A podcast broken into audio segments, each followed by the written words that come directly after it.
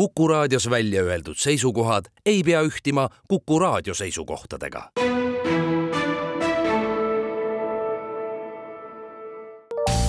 terviseks. saade valmib koostöös Ida-Tallinna Keskhaiglaga. vaata ka itk.ee tere, head Kuku kuulajad, eetris on saade Terviseks ja kui me eilses saates rääkisime rinnavähist, siis tänasel teemal jätkame. mina olen Ingela Virkus ja koos minuga on stuudios Ida-Tallinna Keskhaigla onkoloogiakeskuse juhataja ja onkoloog doktor Helen Vettus, tere taas! tere! igal aastal on siis teatud sünniaastatega, see oli vist alates viiekümnendast eluaastast, eks? Ehm, naised paari aasta tagant jah, jah, jah, on äh, naised siis oodatud rinnavähi sõeluuringule. Äh, mida te ütleksite nendele naistele, kes on selle kutse see aasta saanud, näiteks aasta algul, aga see kutse on ikka veel kusagil, kas siis arvutiekraanil või laua peal ja nad ei ole ennast kuhugi kirja veel pannud, et natuke nagu pelgavad? kindlasti see aeg võtta ja käia ära, teha kakskümmend minutit, see enamasti, isegi vähem, see võtab aega. see on äh, tervise nimel elus on palju parem olla ja terve on ikkagi palju parem olla.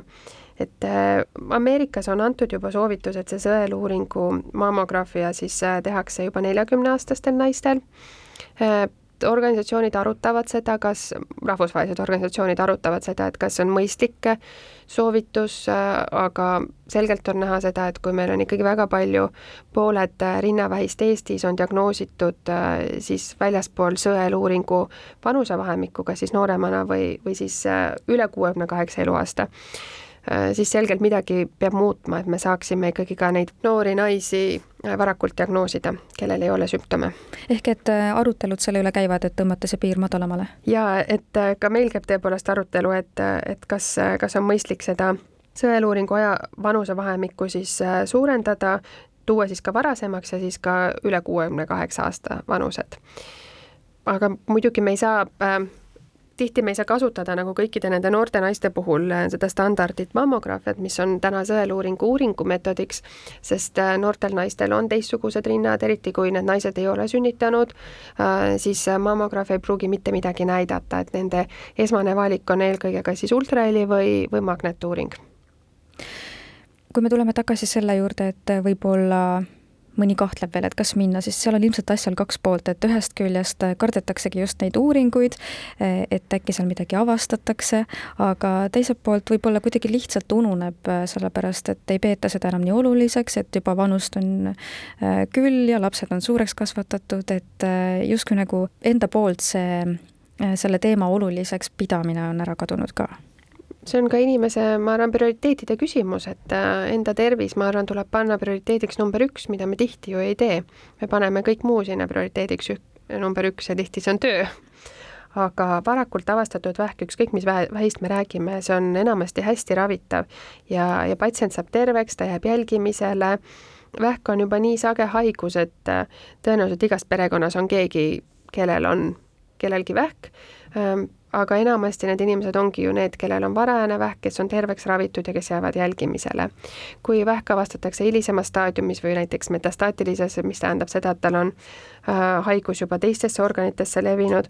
siis see ravi võib olla karmim mm,, patsiendil tekivad juba sellest haigusest sümptomid, kas see kasvaja kasvab kuhugi sisse, kas on valu, tursed, ähm, et, et neid kaebusi tekib sellisel juhul palju rohkem ja, ja loomulikult neljanda staadiumi ja metastaatilise vähi puhul see ravi on ju, enam ei tee seda kui, kui tervistavat ravi, vaid me loodame, et me teeme elu pikendavat ravi, peame alati hindama, et see elu pikendav ravi annaks ka ravi vahepeal normaalse elukvaliteedi. et me ei tee seda rasket ravi ja samal ajal patsient on nende ravide vahepeal kodus voodis haige ja, ja on kõik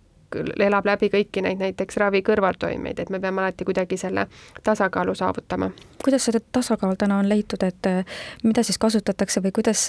nii-öelda leida see eh, kesktee, et inimene seal perioodil, kus ta peaks just siis kosuma ja puhkama, et ta neid eh, kõrvaltoimeid ei tunneks? see oleneb kõik inimesest ja see oleneb sellest, mis ravi me teeme, et kui me räägime keemiaravist, Äh, millel on enamasti siis no võib-olla kõige tugevamad kõrvaltoimed, mida patsiendid kõige rohkem tunnevad ja võib-olla teavad kõige rohkem kuskilt filmidest, et juuksed tulevad ära ja pidevalt oksendatakse, siis tegelikult tänapäeval see elu enam nii ei ole, et meil on väga head iiveldusvastased rohud ja paljude preparaatidega juuksed ei tulegi üldse ära. et paljud inimesed võib-olla teie töö juurest ka, inimesed, kes on tegelikult vähihaiged, kes saavad aktiivset ravi, aga käivad tööl ja elavad igapäevast elu. Aga see kõik sõltub, mis, mis kaebused on, et äh, meil on väga palju toetavaid ravisid võimalik, meil on alati võimalik doosi redutseerida,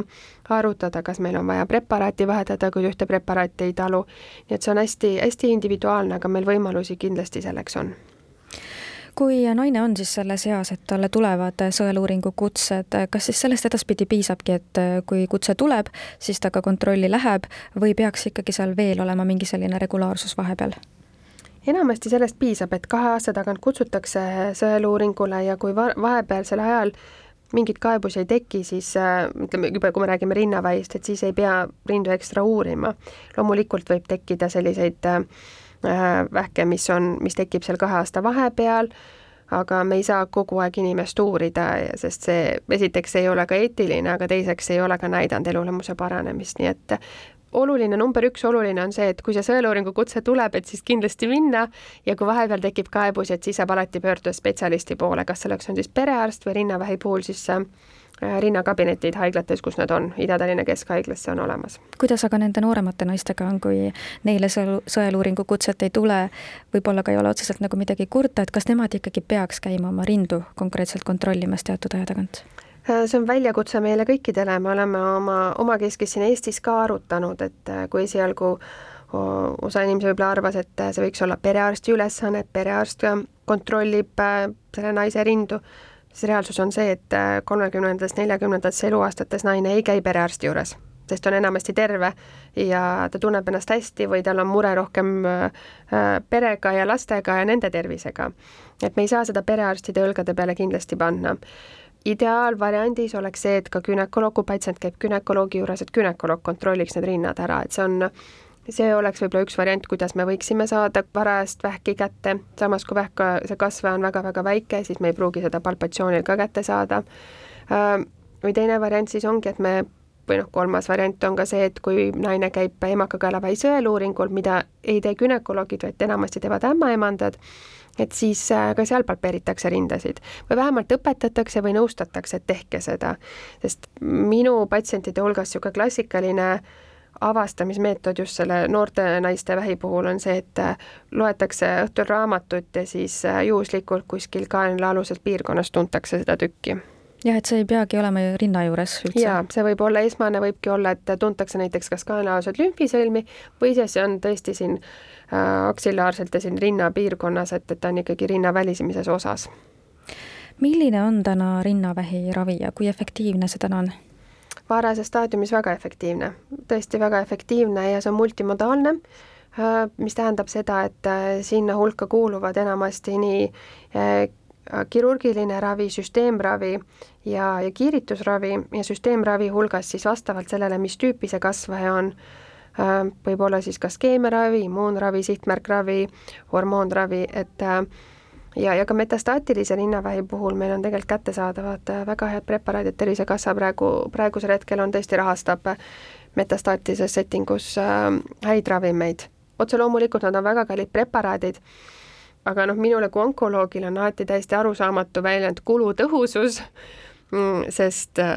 iga päästetud noor elu, me ei saa sellele noorele elule hinda panna, et kui meil on,